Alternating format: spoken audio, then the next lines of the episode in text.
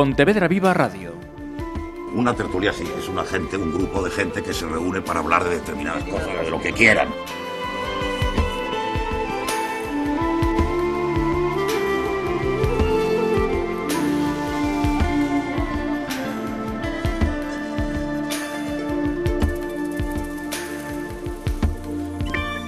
Saludos. Traemos a las conversas en la ferrería a una entidad radicada aquí en Pontevedra y que estos días está teniendo visibilidad en los medios y en el centro de la ciudad por la exposición conmemorativa instalada en el Paseo Antonio Odriozola. Hablamos de la misión biológica de Galicia con su directora, Elena Cartea González. Bienvenida. Hola, buenos días y con su vicedirector técnico, Pedro Peón, que además es responsable también de esta exposición que citaba. Bienvenido igualmente, Pedro. Muchas gracias, buenos días. A cualquiera de los dos. Estamos en una charla abierta cuya protagonista es la misión biológica.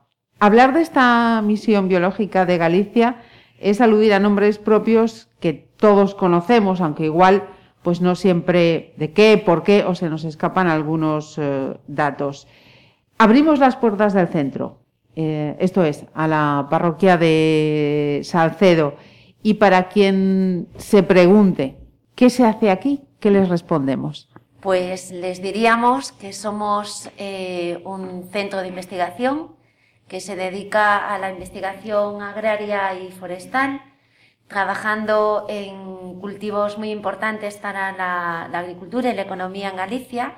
Son cultivos representativos de la zona atlántica y aquí pues podemos citar eh, cereales como el maíz, la avena, el centeno, eh, productos hortícolas que están presentes en nuestra gastronomía y en nuestro paisaje, como pueden ser eh, las coles y los grelos, las judías, los guisantes, y además también con otras especies que son leñosas, como la vid, el olivo, la rosa y por último masas forestales, sobre todo con pinos y con, y con robles. Ajá.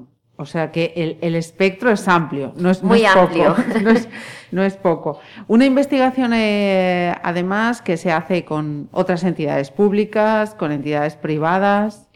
Efectivamente, o sea, nosotros pertenecemos al CSIC, al Consejo Superior de Investigaciones Científicas, y eh, bueno, aparte de hacer investigación básica, que es importantísima y clave, hacemos también, sobre todo en algunos grupos, investigación aplicada.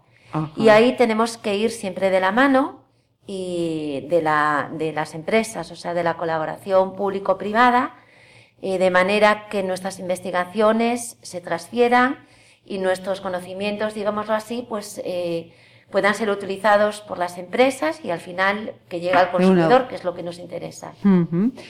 Estamos eh, también, eh, decía al principio, con una exposición aquí en el centro de la ciudad con motivo del centenario. Eh, su fecha fundacional es abril del 21.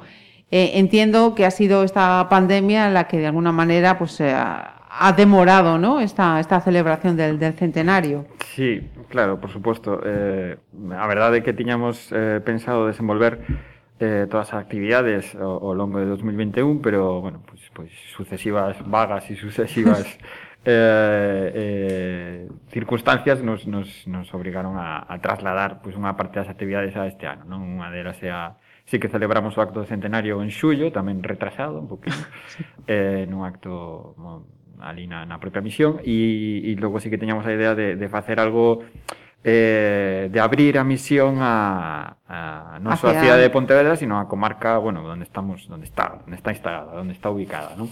Entonces unha unha desas eh ideas era facer unha exposición na rúa que realmente tiñamos pensado para facer despois do verán, Eh, pero pois eh, tivemos que trasladala por las circunstancias da pandemia e, e xa chegado este momento xa decidimos que, que había que facer así ou sí porque non podíamos demorar máis e non podíamos estar aquí hasta 2020 e tantos non? E, e finalmente eh, nada, pusemos en marcha esta exposición que que basicamente o que queremos é traer un poquinho do, decir, traer un poquinho da misión aquí á cidade de Pontevedra e que e que eh, que digamos que será o primeiro paso, pois pues, a excusa para que a xente despois pois pues, poida visitarnos. A través de, de visitas, jornadas de portas abertas que tamén temos pensado realizar ao longo deste 2022 eh, pois eso, para celebrar este, este centenario, este 100 anos máis un, ¿no? Uh -huh. Y... Mira, eh, está ben, así como máxima, 100 anos, 100 anos máis un, sí. puede, puede ser. Está ben pensado, sí. Eh, decía al, al, comienzo que hablar de la misión biológica es referirse a, a nombres propios de, de, la ciudad que conocemos. Así que yo os propongo que hagamos un poco de, de revisionismo ¿no? y expliquemos cuáles son esos, al menos los principales eh, nombres eh, que están con, con, los comienzos de la misión biológica y de los que estamos hablando prácticamente a diario si te mueves por la ciudad. Bueno, pues podemos encontrar nombres tan conocidos aquí en la ciudad como, por supuesto, voy a empezar por el, el más relevante, que es eh, Cruz Gallastegui, Realmente se pronuncia, nos han corregido en, en, en, los vascos y es Gallastegui, no Gallastegui, eh, pero bueno, todo el mundo lo pronunciamos o lo hemos conocido de otra manera. Eh, Cruz Gallastegui, como decía, es el fundador de la misión. Eh, tuvo en aquel momento, en el año 1921, pues la decisión de, de, de aceptar eh, la dirección de un centro que empezaba eh, con la filosofía o con, con el objetivo de estudiar e investigar los principales problemas de la agricultura y la ganadería que tenía en Galicia. Él no empieza aquí en, en, Pontevedra. en Pontevedra, empieza en Santiago de Compostela, porque entonces a la misión se la habían dejado allí como eh, dos locales dentro de la Escuela de Veterinaria. El edificio COI es el actual Parlamento Gallego pero un poquito después, pues eh, aquella ilusión pues, se ve truncada porque eh, la escuela de veterinaria deciden que se traslada a otra ciudad y en ese momento, pues Gallastegui se queda sin, sin locales. Sin plan. En ese momento, pues bueno, decisiones políticas deciden que se traslada aquí a Pontevedra y, y, y ahí comienza y aquí, la historia. Y aquí, y aquí, empieza la historia de Cruz Gallastegui en la ciudad de Pontevedra. Uh -huh. Otro nombre singular que sin duda también es conocido en la ciudad es eh, Alejandro de la Sota. Ajá. Alejandro de la Sota es el responsable de la construcción de uno de los tres edificios que componen actualmente eh, la misión biológica de Galicia. Es un edificio, bueno, la misión cuando empie, la misión eh, se sitúa en el año 1928 en la finca eh, que se conoce como la, el Pazo de Gandarón. Sí. Allí Gallastegui empieza sus investigaciones en el edificio del Pazo, allí vive y trabaja, pero poco tiempo el Pazo se queda inservible eh, y entonces se construye este edificio por Alejandro de la Sota, Uh -huh. que es, digamos, como el, el, edificio de la misión durante los años 80, 90, hasta el 2007, que se rehabilita y se vuelve a, a ocupar el pazo. Eh, otro nombre, el tercero que podemos así destacar que ha sido eh, relevante para la historia de la misión es Miguel Odriozola. Uh -huh. Al igual que Gallastegui era un investigador, eh, se incorpora años después de, de Gallastegui y para abrir, eh, digamos, otra línea de investigación diferente a la que hacía eh, don Cruz Gallastegui en genética de mejora de plantas, en ese caso de maíz, porque él se ocupa de la investigación animal, de la genética animal. Ahí se funda una piara eh, de cerdos de, con una raza determinada que en aquel momento tuvo una gran repercusión por las investigaciones que se hacían desde el punto de vista de genética animal uh -huh. y que fue muy relevante eh, no solamente en el mundo científico, sino también de la transferencia después de esas investigaciones al sector eh, ganadero en Galicia. Ajá. Pues eh, estamos y, haciendo y un bueno, repasito. estamos haciendo así un repaso de sí. personajes importantes, hay más, pero bueno, eh, uh -huh. Digamos que a nivel de Pontevedra estas tres personas son muy, sí, son muy conocidas. Falta unha que, que Daniel de la Sota, que realmente Daniel de la Ajá. Sota era o presidente da Deputación de Pontevedra en 1927 e que cuando e, e a persoa que realmente lle ofrece a Cruz eh, Gallastegui virse aquí a Pontevedra. E, e realmente, si a misión está aquí, eh, eh, sí. digamos que polos dous, porque Cruz Gallastegui era o primeiro director e o que accedeu a que se crease a misión, e a segunda é Daniel de la Sota, que o presidente da Deputación, que nese momento, uns anos antes, non sei se ese mismo ano, 27 ou 28, 27 ou 26, adquiriron esa finca, de, non sei si incluso arzobispo Balbar, creo que era un famoso uh -huh. tamén arzobispo Balbar, Ajá. que vivía, que vamos, fora o, o propietario desa, de desa finca e dese pazo, e realmente ya cede a Cruz Gallasti a Misión Biolóxica para que desenvolva que... aí e realmente a día de hoxe eh, a, a finca sigue sendo da deputación e, e re, realmente a Misión Biolóxica está aí como sufructuaria desa finca pero realmente non é propietaria dela ¿no? uh -huh. Pues acabamos de echar un vistazo a la historia y a ese vínculo con los nombres que forman parte de, del callejero de esta ciudad y, por supuesto, de, la historia de, la ciudad. Mm, Seguimos avanzando un poquito para seguir conociendo la, misión biológica y quería preguntaros por, los grupos de investigación en los que, en los que trabajáis. Actualmente estamos eh, divididos en grupos de investigación que la, la, base de cada uno de ellos, en la gran mayoría, es el tipo de, de cultivo con el que se trabaja. Entonces, así hay, digamos, los grupos que trabajan más en mejora genética de plantas uh -huh. y, y estaría el grupo de genética y mejora de maíz, genética mejora y bioquímica de brásicas. Eh, otro grupo que trabaja en biología de agrosistemas y que incluye los cultivos de leguminosas. Un cuarto grupo que trabaja en genética eh, de desarrollo de plantas, también centrado eh, para hacer esos estudios más genéticos en cultivos de leguminosas. Otro grupo trabaja eh, de una forma más, más amplia en, en temas relacionados con la adaptabilidad y sostenibilidad de los cultivos. Trabaja también en cereales, pero no tanto en maíz, sino en cereales diferentes como centena y aveno, y uh -huh. avena, perdón. Otro grupo también relacionado con la fisiología y la bioquímica de los cultivos. Y después, aparte de estos grupos, que son más de especies herbáceas, estarían los grupos que trabajan en especies leñosas, y ahí tendríamos el grupo de ecología y genética forestal. Uh -huh. Como su nombre indica, pues trabaja más en temas centrados en masas forestales, forestales. su sostenibilidad y bueno, el, el uso productivo del, del, monte, pero no para producir madera, sino eh, como un ecosistema y para la producción de resinas. Otro grupo trabaja en ecología eh, de la interacción planta-herbívoro, con estudios más teóricos, como el nombre dice, de buscar resistencias, eh, en plantas eh, de diferentes eh, cultivos y, y, árboles y también hace como estudios más eh, relacionados con cambio global.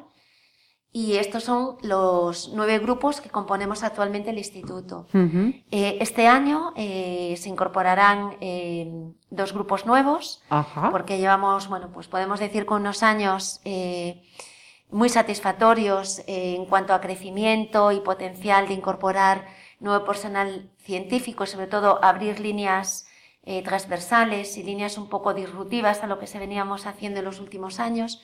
Y así este año, ahora ya, a principio de año, se incorporarán dos investigadores más.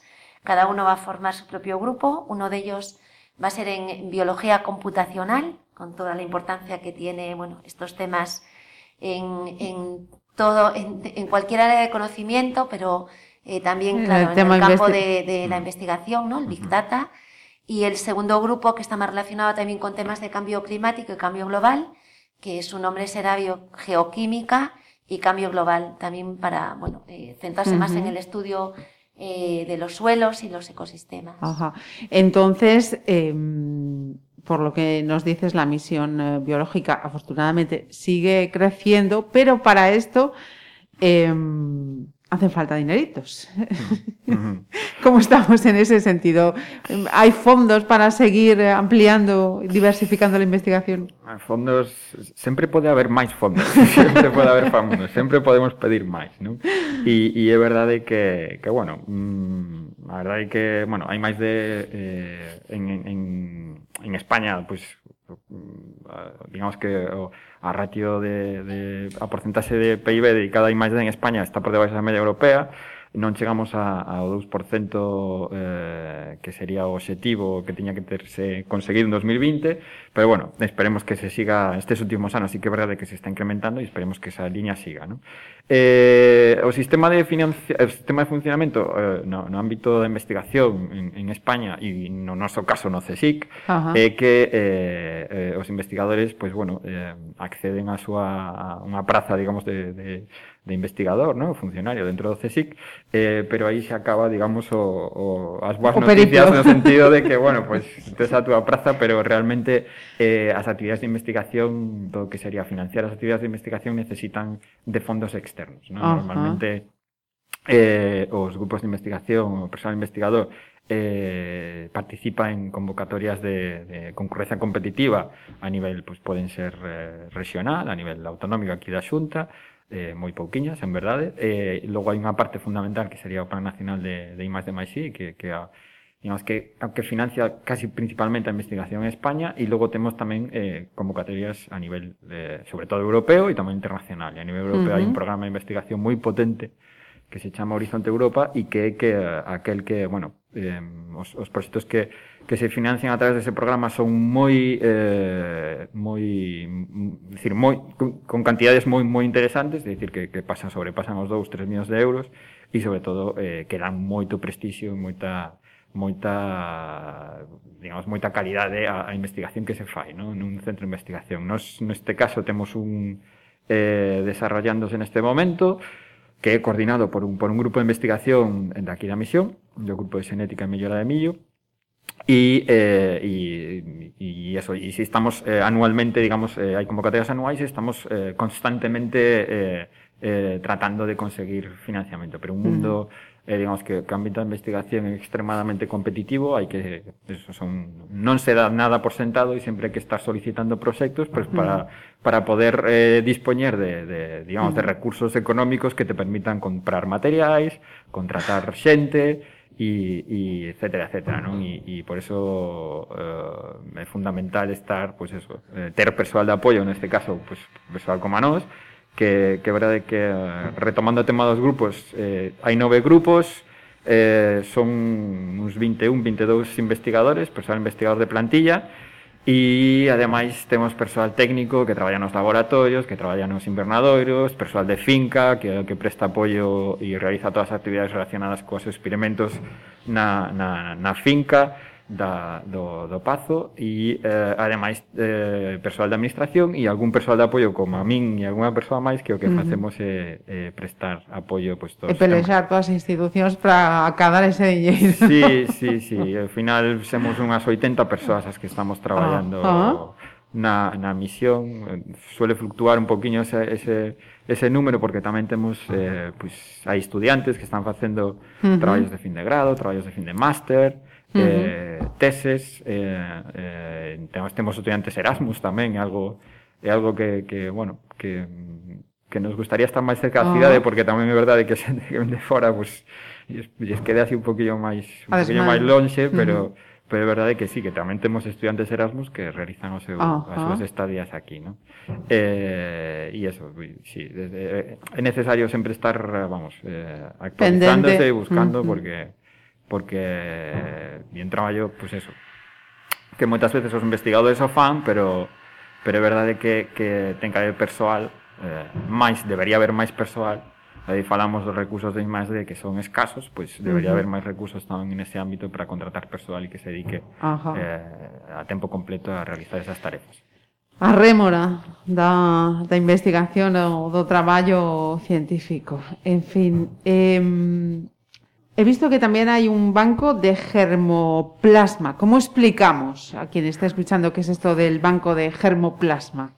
Bueno, pues un banco de germoplasma no es otra cosa que un banco de semillas, eh, un almacén de, semillas o una colección de variedades vegetales. Entonces, ¿el por qué existe este banco? Pues em, así, de forma muy resumida, contar que en los años 80 eh, a nivel mundial hubo una, preocupación eh, por parte de la comunidad científica porque entre el abandono del medio rural y la introducción de variedades comerciales de muchísimos cultivos, todas aquellas variedades locales tradicionales que podían ser muy interesantes porque pues eh, daban frutos más sabrosos o eran resistentes a, a, una plaga o estaban adaptadas a unas condiciones ambientales determinadas, pues si nadie las conservaba y las recuperaba, pues iba a perder eh, un patrimonio genético muy importante. Entonces, en la misión hubo entonces y hasta día de hoy una preocupación también eh, por los principales cultivos eh, gallegos. Y entonces hicieron campañas de prospección, recolección, para recuperar esas variedades locales que de otra forma se hubiesen perdido, hasta hoy. Entonces, en algunos cultivos empezaron antes, en otros después, a medida que nos fuimos incorporando personal y abrimos también nuevos grupos con nuevos eh, cultivos, de tal manera que hoy en día eh, este banco de germoplasma es, digamos, una fortaleza para, para la misión biológica, nos da un valor añadido frente a otras instituciones científicas, pero también es muy interesante para las empresas o incluso para, para los usuarios finales, que son los, los, pequeños agricultores y los consumidores.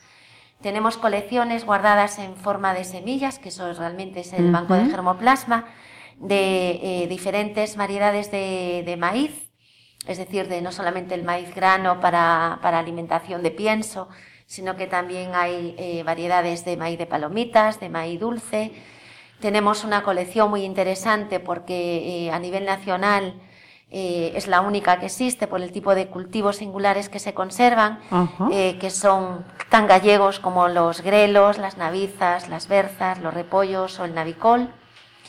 Después una colección también importante de, variedades locales de judía, de guisante y de caupí. Y eso sí, el caupí es un tipo de leguminosa eh, que aquí se conoce menos, pero que tiene relevancia, por ejemplo, en, otros países, también por el tipo, bueno, para, para la alimentación también eh, humana. Eh, y entonces también, bueno, se trajeron variedades de otros países donde estas variedades locales son interesantes y están conservadas Aquí. en nuestro banco. Sí. Y aparte de, esta, de este banco de germoplasma conservado en forma de, de semillas, como digo, eh, bueno, pues nuestra, nuestra misión y nuestra obligación es que una vez que esos materiales se han recogido, eh, dejar que esas semillas no pierdan su poder germinativo. Es decir, para eso tenemos que invertir dinero, una vez más, en el tema de la financiación y esfuerzo todos los años en regenerar esas semillas para que no pierdan su capacidad de germinación.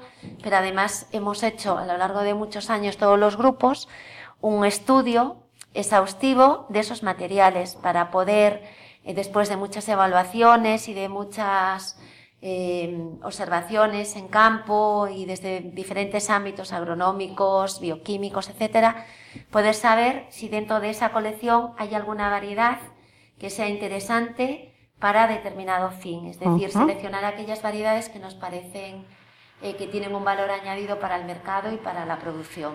Pero además de este mundo de las colecciones de semillas, tenemos otras eh, colecciones vegetales que se conservan in situ y no en forma de semilla, como puede ser la colección de vid, la de olivo y recientemente la de, la de rosa. Ajá. Eh, o sea, un patrimonio más que considerable. sí, muy importante, sin, la verdad. Sin duda. Mm, quería preguntaros también, ¿qué significa conseguir en esta área científica o investigadora eh, una patente? Si es que el nombre de, patente es el, correcto en este, en este ámbito. Sí, a ver, no, no ámbito das, das ciencias agrarias alimentarias eh, tamén existen, bueno, es decir, en todos os ámbitos se poden, se poden conseguir patentes, non? As patentes eh, entra dentro do que sería a transferencia de coñecemento do, do ámbito da máis D a, a, a sociedade, normalmente son, son empresas as que, as que adquiren as patentes, non?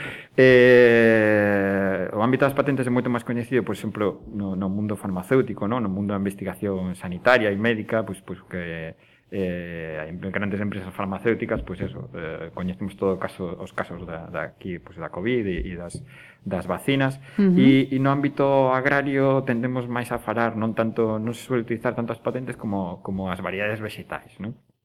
Pois, sin embargo, o, o fin é o mesmo, é dicir, os dous son dereitos de propiedade industrial e o que permiten é a, a, a quen detenta patente ou a quen detenta unha variedade vegetal, eh, un título de variedade vegetal é, eh, digamos, un, un dereito de monopolio sobre algo, sobre un produto, non? Pode ser un, un, un medicamento ou pode ser un, uh, unha variedade vegetal. Pois, por exemplo, un, unha variedade de grelo, ou unha variedade de millo, ou unha variedade de, de, de xudía. Non? entonces uh -huh. eh, eh, o que pasa que neste caso tanto nas patentes como nas variedades vegetais o que é necesario é eh, digamos para obter ese dereito de, de, de monopolio e poder explotar durante 20 anos ese produto Eh, eh, de forma monopolística, pois o que se necesita é eh, uns requisitos que teñen que cumplir esas, eh, por un lado, unha patente sería unha invención e por outro lado, unha área vegetal sería un cultivo, non? pois teñen que cumplir unhas diferentes eh, diferentes requisitos. No caso das patentes teñen que ser novo, decir, ten que ser un produto novo, ten que ter, ten que ter unha actividade inventiva, é dicir, ten que haber unha invención detrás, ten Ajá. que ser algo que non sexa algo eh, digamos, eh, unha modificación de algo que xa existe, sino que ten que ter unha digamos Novo. que sí, que o inventor ten que demostrar que ten unha capacidade uh -huh. creativa, non? E logo que poida ser aplicable a nivel industrial.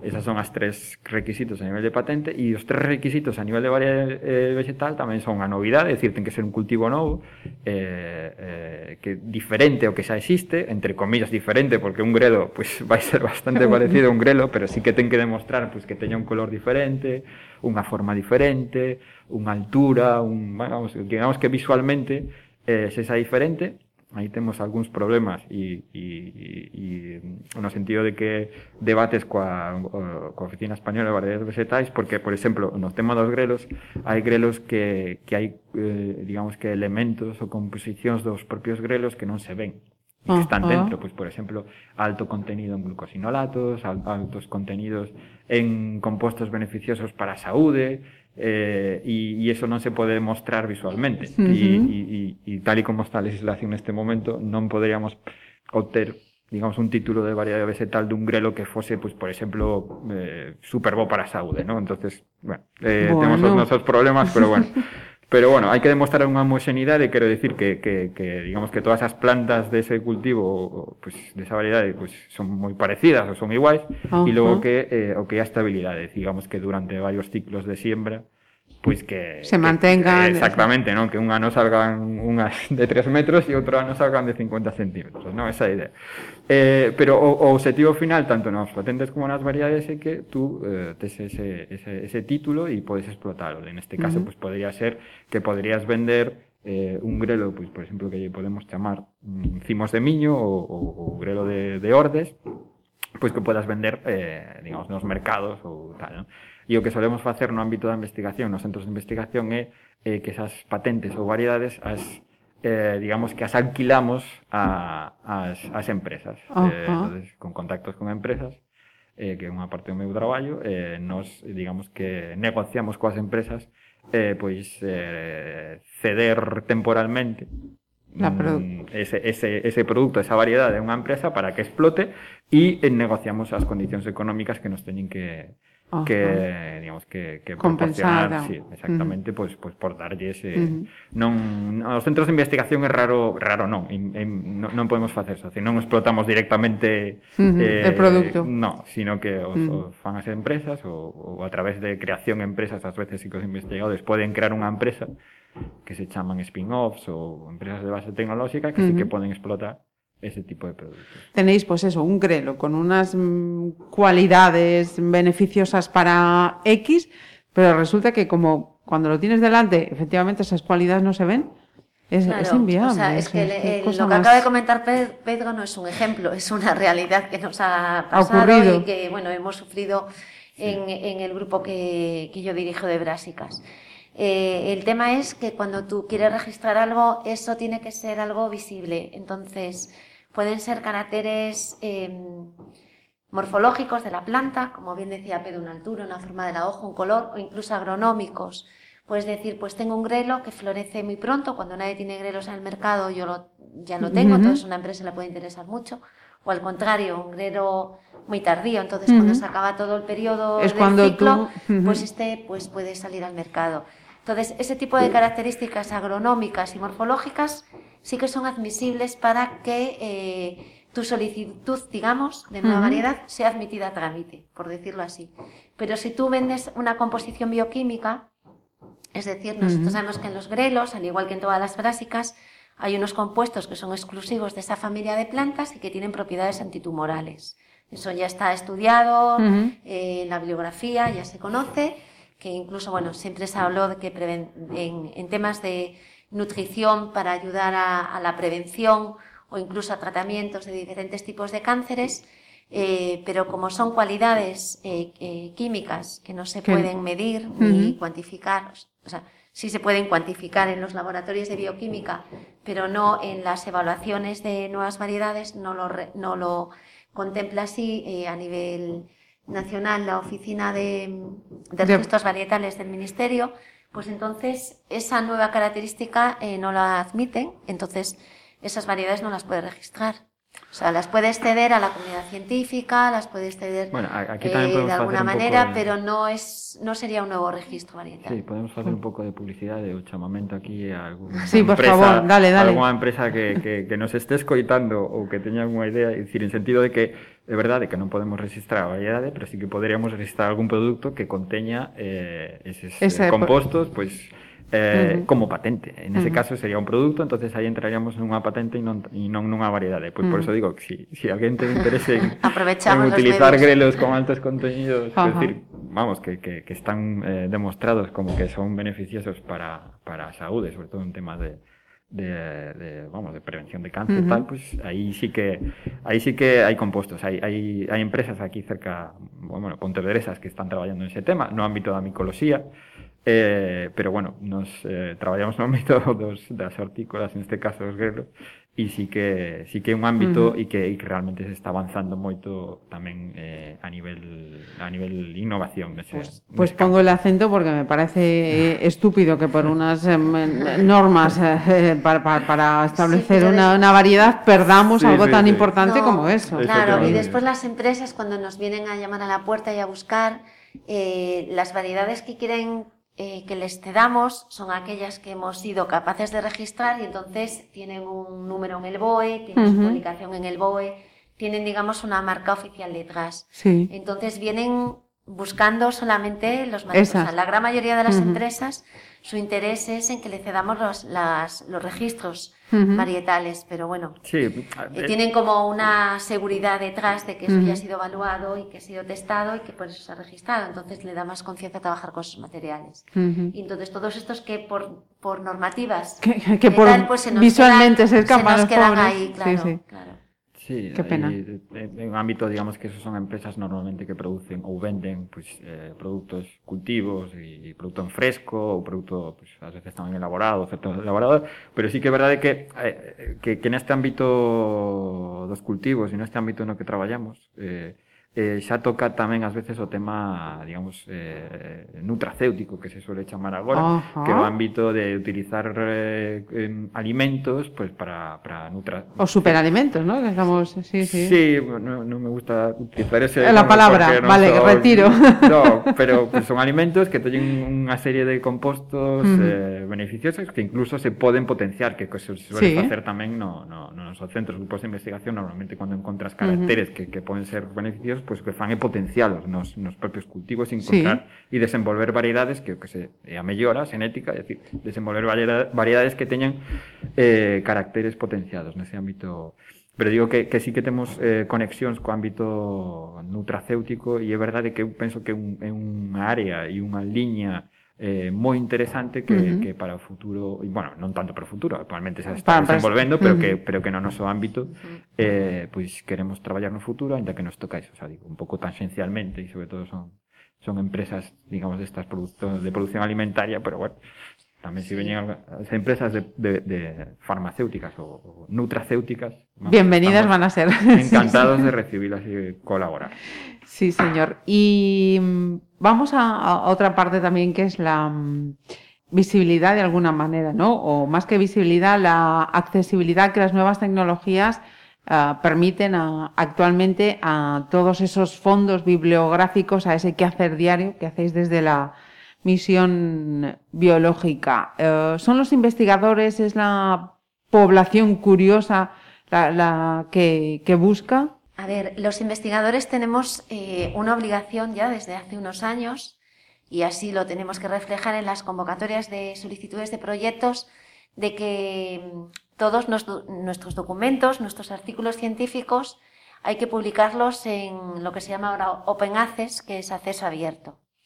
Entonces, la gran mayoría de las revistas eh, tiene ya esas posibilidades de, publicación para que pueda llegar de una forma rápida y sencilla eh, a toda la comunidad científica, de tal manera que, digamos, la interconexión de, estudios sobre temas similares o las colaboraciones incluso entre grupos, pues se puedan potenciar con, con toda la publicación abierta. Yo siempre digo que cuando tengo que explicar esto en otros medios, siempre pongo el ejemplo del COVID y lo que ha pasado en los últimos años, que el avance tan, tan rápido que hubo en, en, conocer este virus y poder desarrollar la primera vacuna fue porque ahí más que nunca pues fue eh, acceso abierto, pero a todos los niveles, de tal manera que eh, los resultados de un laboratorio en una parte del mundo estaban casi a tiempo real siendo leídos por los del laboratorio en la otra esquina del mundo, incluso de grupos que no se, que no se conocían, no habían colaborado antes. Mm. Entonces, bueno, aparte de ser una obligación, para nosotros también es interesantísimo porque esto nos da oportunidad de visibilizarnos y lo que hacemos. A nivel institucional, el CSIC también eh, tiene un repositorio en el cual todos nuestros trabajos, no solamente científicos, no trabajos divulgativos, eh, eh, conferencias de congresos, tesis doctorales y demás, hay que dejarlas depositadas en, bueno, se llama Digital CSIC, la base de datos.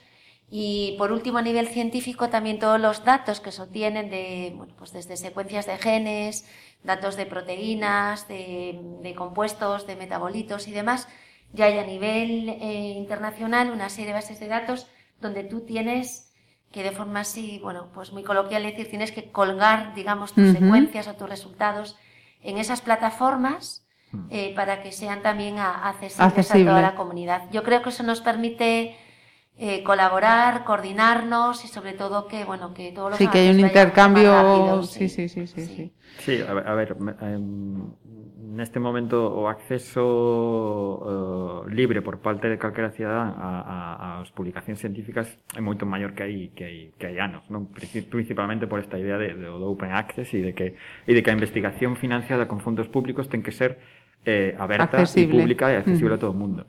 Entonces, eh, todas as revistas, incluso as máis importantes como Science, Nature, teñen, eh, si entras na súa página web, teñen unha parte dos seus artigos que son que son libres, es decir, libre acceso, ¿no? Entonces, eh, todo el mundo pode entrar aí, pero é verdade que que, que digamos que, que, que a, la posibilidad a ciudadanía en, en xeral, salvo que ás veces cando aparece algún artigo destos que pues, sí, llamativos que, con un titular que engancha que a nivel de medios de comunicación sí. se les dá moita publicidade non suele acceder directamente a ese ámbito non isto uh -huh. É dicir, é máis, eh, ao final, pois pues, eso... Un... Unha parte profesional, non? Sí, o de uso decir, eh, profesional. Eh, un ámbito eh, máis científico, Exactamente, claro. é dicir, a mm. comunidade científica que accede, pero é verdade que que, que é moito máis fácil acceder incluso á propia comunidade científica, xa, bueno, por internet e todo isto, xa leva moito tempo, pero digo, acceder aos propios artigos que non teñan que estar, eh, digamos, que están eh, que podes acceder directamente desde o momento en que se publica e antes que tiñas que comprar revista uh -huh. e esperar a que chegase ou que chegase a túa biblioteca para poder acceder, pois claro, isto xenera a ventaja, máis claro. Es a corta, el mundo, a corta el mundo prazo. digital para los investigadores, bueno, desde que yo empecé mi tesis hasta ahora, era lo que dice Pedro, era Incluso... eh, ir, a las, ir a las bases de datos eh, con palabras clave, buscar el artículo, se lo pedías a la bibliotecaria, había que igual pedirlo, o sea, se estudiaba con los artículos impresos en formato físico, ¿no? Todas las revistas. Sí, sí, sí. Entonces, desde el momento que tú ahora, pues eso, ves un artículo que te interesa, clicas y abres el PDF y ya lo tienes guardado en tu ordenador, o sea, esto es un salto sustancial. Abismal. Sí. Yo, claro. Lo que comentaba Elena, eso, decir que, que hai open access para as publicacións, é dicir, acceso a outras publicacións, e agora, por exemplo, a, a, a Unión Europea, no, no programa Horizonte Europa, eh, no ámbito, no, digamos, no programa anterior, hasta 2020, eh, propuña a, aos que obtiñan aos proxectos que obtiñan financiamento que divulgasen os seus datos, pero non era obligatorio. A partir deste ano 2021 hasta 2027, e, bueno, unha vez que se abre xa será eh para sempre. Sí, eh é obrigatorio establecer un un plan de xestión de datos que implica que os teus datos tamén teñen que ser abertos, é dicir, ah, que ah. que hai que colgar os datos das túas investigacións en repositorios para que a xente teña acceso a eses datos e poida corroborar ou poda, bueno, poida digamos que pode ver as tripas da túa investigación ou da túa publicación e, e decir si realmente o que fixeches está ben feito ou, ou está mal feito, non? Oh, a ese no? nivel estamos chegando. Sí, sí. E le, o le pode servir de soporto, soporte a outros grupos de investigación para, para diversificar outros protocolos ou uh -huh. poner a punto técnicas que en este momento oh. no tienen. Uh mm. -huh. Esta es una parte de, las ventajas que traen las nuevas tecnologías, pero en vuestro quehacer diario eh, también eh, esas nuevas tecnologías, esas eh, nuevas incorporaciones, pues estaba pensando, y hablábamos antes de hablar los micros, por ejemplo, de los drones, también os facilitan y ayudan en, vuestro trabajo, ¿no? bueno, la, transformación del campo al, mundo digital es, es una realidad que ha empezado eh, pues eh, ya hace algunos años, pero que cada día pues está más presente y a la cual nos tenemos que adaptar para, porque bueno, la investigación también es innovación, entonces necesitamos también incorporar todas estas nuevas tecnologías a, a nuestros trabajos diarios, ¿no? Como decías. Entonces, algunos ejemplos era que antes hacía un, una toma de datos de nuestros cultivos, bueno, nosotros decimos en nuestro argot un fenotipado, ¿no? Cuando ves fenotipado, la forma visual las características de las plantas y ahora eh, los, eh, se habla de fenotipado masivo o fenotipado a grandes escalas, que son todo con análisis de imágenes mediante drones o otros sistemas de análisis de imágenes que lo que hacen pues eso pues son sistemas eh, informatizados dentro de lo que es la los procesos de digitalización que permiten un ahorro de mano de obra y de tiempo pues eh, muy importante, ¿no? Eh, pues, pues cada vez están más presentes pues robots para el control de malas hierbas, la uso de sensores para controlar todos los factores climáticos ambientales en torno a los cultivos. pues en la vid se me ocurre para decidir el momento óptimo de la vendimia, eh, bueno, en la captura de imágenes eh, espectrales o, o, mediante imágenes aéreas con drones. O sea, cada vez vemos que, que toda la incorporación de nuevas y medias tecnologías pues van a hacer, yo creo que el, que el sector eh, agrícola y forestal también pues eh, alcance resultados muy interesantes en los próximos años porque sí que van a ser unos, se están, se están viendo avances eh, muy importantes ¿no? y resultados muy interesantes. Y ahí las empresas, tengo que decir, que están invirtiendo, por ejemplo, en el olivar andaluz o en la zona más em, hortícola de España, que es el sureste, ¿no? toda la zona de Murcia y de agricultura. Digamos que, bueno, pues eh, ahí desde hace años se están invirtiendo muchos recursos en la parte de innovación agrícola. Sí, sí. Quería plantearos una cuestión por algo que ha trascendido estos días. La referencia está en, el convento de Santa Clara, sabéis que la, adquirió el, el concello. Dentro de ese convento hay un inmenso huerto y ahí eh, hay plantadas eh, diversas especies frutales y hay viñedos. ¿Habéis tenido eh, ocasión, y planteo la cuestión porque parece ser que se va a estudiar a ver si esa especie, esas, variedades de viñedos serían centenarias y si son eh, variedades que se han podido perder, ¿no? No sé si habéis tenido ocasión de, ver estos viñedos en concreto. No, a ver, eh, no, desde, desde el centro, digamos, a nivel oficial, no, no nos trasladaron tampoco desde, desde el Concello que, que, bueno, que querían analizar, digamos, a nivel científico esas, esas, esas vides, pero eh, penso que tamén é verdade polas noticias que vin que, que estamos nun ámbito un pouco, decir, nun momento un pouco temprano, non? Decir, uh -huh. no sentido de que me parece que as, eh, están en proceso de, de, de poda, incluso de, de mellora desas vides, porque creo que estaban bastante en unha situación bastante mala. entonces eh, supoño que no momento que empecen a florecer e que, e que empecen a, a bueno, si, si realmente a poder saber qué es sí, lo que hay. Sí, están vivas y si realmente se, se pueden realizar algún tipo de, de, de, de intervención, digamos, eh, en ese ámbito científico, ¿no? Pues para saber qué, qué idea teñen, sobre todo qué tipo de variedades son, pues eh, sí, supoño que o Concello pues, se poñerá en, contacto con nós, principalmente porque porque temos un grupo de viticultura que viticultura olivo e rosa que eh, que bueno, que realiza ese tipo, xa ten feito algún tipo de de, de traballo nese ámbito e sí que podríamos decir que incluso é especialista en recuperar eh, en recuperar vides ou eh, variedades de vide eh, digamos que, que levaban esquecidas moito tempo que se, ou que se consideraban perdidas entonces vamos que, que Hai si, que o concello, o necesita vamos co- coñecer algún tipo de vamos de, de información sobre esas vides pues Ahí no, estamos, ¿no? Que por, por que- supuesto por supuesto Y hablando de, de Concello, de ahí estamos, esta charla la estamos manteniendo un 20 de enero, hoy es la festividad de San Sebastián, voto de esta ciudad, y se estarían entregando, se estarían, nos están entregando en estos momentos los premios Ciudade de Pontevedra. Con la disculpa por mi memoria, que me, que me puede fallar, pero que os quería preguntar si la misión biológica tiene algún premio Ciudad de Pontevedra, ¿no? Pues hasta donde conocemos, no. Yo llevo ya pues bastantes años trabajando en, la misión biológica y podría, bueno, podría atreverme a decir, a decir que no, que no hemos recibido ese premio. Porque mm, estaba pensando yo cuando planteaba las eh, preguntas, hombre, mm, si se trata de mm, reconocer la visibilidad que puede aportar pues una entidad o una persona física de la ciudad, eh, desde luego de la misión biológica, eh, motivos hay de sobra.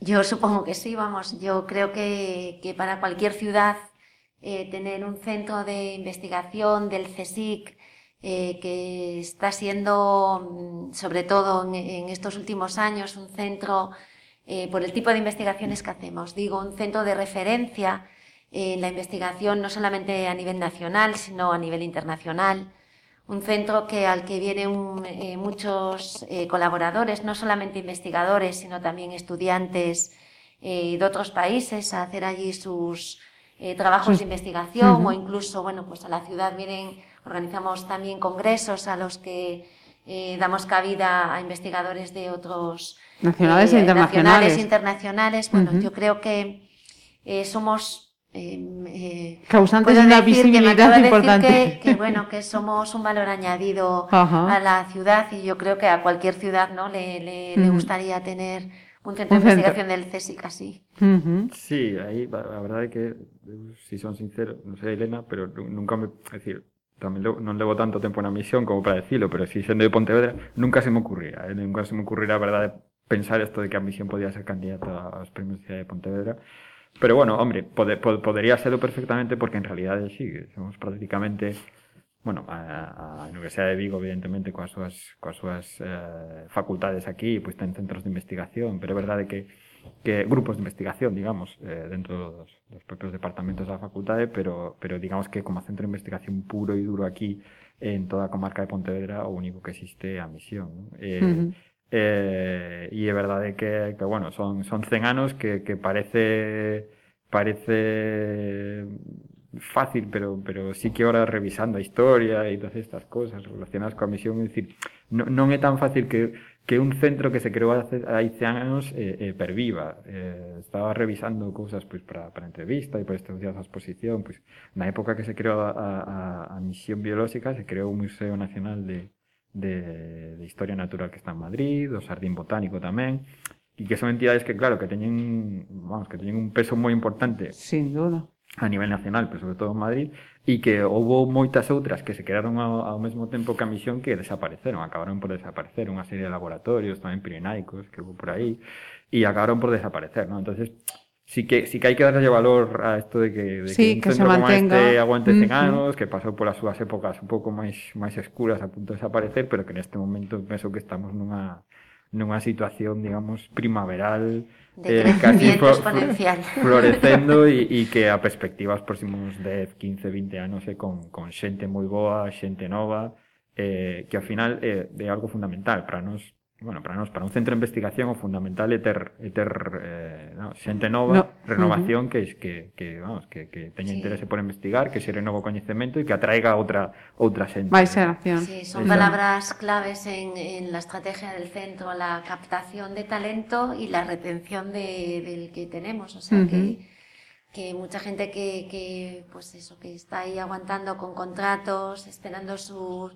creciendo a nivel científico, esperando su oportunidad para poder conseguir una plaza de científico titular y quedarse ya en el instituto, pues eh, te- dar todas las oportunidades para retener ese talento, porque sí que es verdad que bueno, vivimos eh, años complicados, los años de la crisis, donde eh, mucha gente muy buena, la gran mayoría de los grupos, pues tuvo que, no había oportunidades, vamos, de, de consolidar su carrera científica. Entonces, nuestra, nu- por lo menos, bueno, yo como directora, mi, mi objetivo, uno de ellos y muy importante es captar y retener el talento para Ajá. poder crecer y sobre todo pues seguir abriendo líneas nuevas y facilitando pues haciendo que el centro sea atractivo por ahí fuera para que mucha gente quiera venir y Aquí. hacer sus trabajos con nosotros y, y- y- o su carrera profesional con nosotros. E Aquí abrimos a segunda ventana de publicidade e de chamada a captación, neste caso Venga. para, para estudiantes de biología, ingeniería forestal, ingeniería agrónoma ou todas aquelas ciencias, todas que teñen algo que ver con ciencias da vida, agrarias, alimentarias, forestais, pois que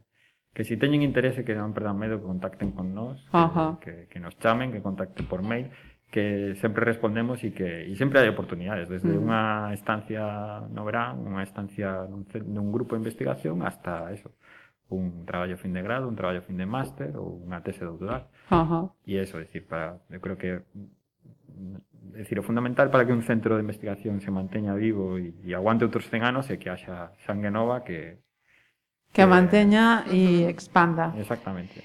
Y si en este tiempo de charla hemos conseguido despertar la, curiosidad y el interés eh, por estudiar, por, mantener esa labor eh, investigadora y por visitar eh, el centro, decías Pedro que al principio esas eh, visitas se realizan, se contemplan y esperemos que la coyuntura mejore para que todavía se puedan ampliar más, ¿no? Sí, sí, este é o último momento de, de, de captación aquí é que eh, neste, neste ano eh, vamos facer eh, dentro das... Eh, bueno, esperemos que as circunstancias melloren nos próximos meses, pero vamos, que a nosa idea eh, eh, é poñer en marcha unha estrategia de difusión e o que dicía ao principio, retomo as palabras do principio, que, que abrir abrir a misión a, a, a Pontevedra e non só a cidade, sino pois, pois toda a comarca, eh, e traela, traela á cidade. Nese, e, e incluso tamén queremos que pase ao revés, non? decir, que, que vamos a poñer en marcha retomar as visitas guiadas, vamos a retomar seguramente algunha sonada de portas abertas uh -huh. e que eh, faremos algunha, temos pensado facer algunha actividade máis ao longo deste ano, esperamos poñer en marcha tamén un ciclo de conferencias xa para a primavera na que convidar pois, eso, a toda a ciudadanía a que a que a que participe e a outra a que eh, cuando Forme parte de esta comunidad de decir, que- investigadora. que, que temos as portas abertas ainda que non estamos aí un poquinho Sí, lo que nos, lo que nos digamos, eh, es una des- digamos que es una Una desventaja o un inconveniente. Eh, estamos en, un- en- partiendo de la base que estamos en un sitio privilegiado y que desde aquí invitamos a todo el mundo eh, que, que lo visite en esas jornadas que decía Pedro. La finca donde estamos es espectacular. Cuando cualquiera llega allí siente envidia por, por las instalaciones tan particulares, ¿no? Para ser un centro de investigación es como eh, raro trabajar en un sitio así. Claro, para nosotros es un marco excelente porque tenemos 10 hectáreas de terreno cultivable que nos permiten hacer eh, los experimentos de todos los cultivos. Pero el inconveniente eh, es que estamos muy alejados del corazón de, estamos cerquita, pero a la Sí. vez muy alejados del corazón eh, de la ciudad. Entonces, cuando eh, bueno, pues cuando empezamos con todo esto de la exposición y utilizando los 100 años de vida de la misión como excusa y reclamo para, para visibilizarla y que, bueno, pues muchos eh, pontevedreses o de incluso gente de otras ciudades no sabía que estábamos allí, todo el mundo dice lo mismo, ah, sí, sí, pasamos un montón de veces por esa carretera y veíamos esa finca, pero no sabíamos que ¿Qué estabais era? ahí. Entonces, bueno, a ver si cada vez oímos menos esto, cada vez se nos conoce un poquito más y sobre todo eso, pues también a, a- a- no solamente desde un punto de vista de divulgación, que es lo que estamos haciendo en estas semanas con la, con la exposición y, y llevamos ya moviendo todo el año pasado, sino también eso, da la oportunidad de que, de que pueda venir gente a estudiar o, o desarrollar su, su labor profesional. Ajá. O empresas que quieran desarrollar esas supuesto- variedades que... Por supuesto a las empresas, que son un motor muy importante en, en lo que hacemos. Sí, señor. Pues Elena Cartea, Pedro Peón, muchísimas gracias por dedicarnos este tiempo y acompañarnos este rato. Gracias a ti, a vos, a Pontevedra Viva por darnos a oportunidade de, de falar de, da misión biológica. Nada, re- reitero yo también mi, mi agradecimiento por darnos la oportunidad de, de contaros quiénes somos y qué hacemos. A vosotros, siempre.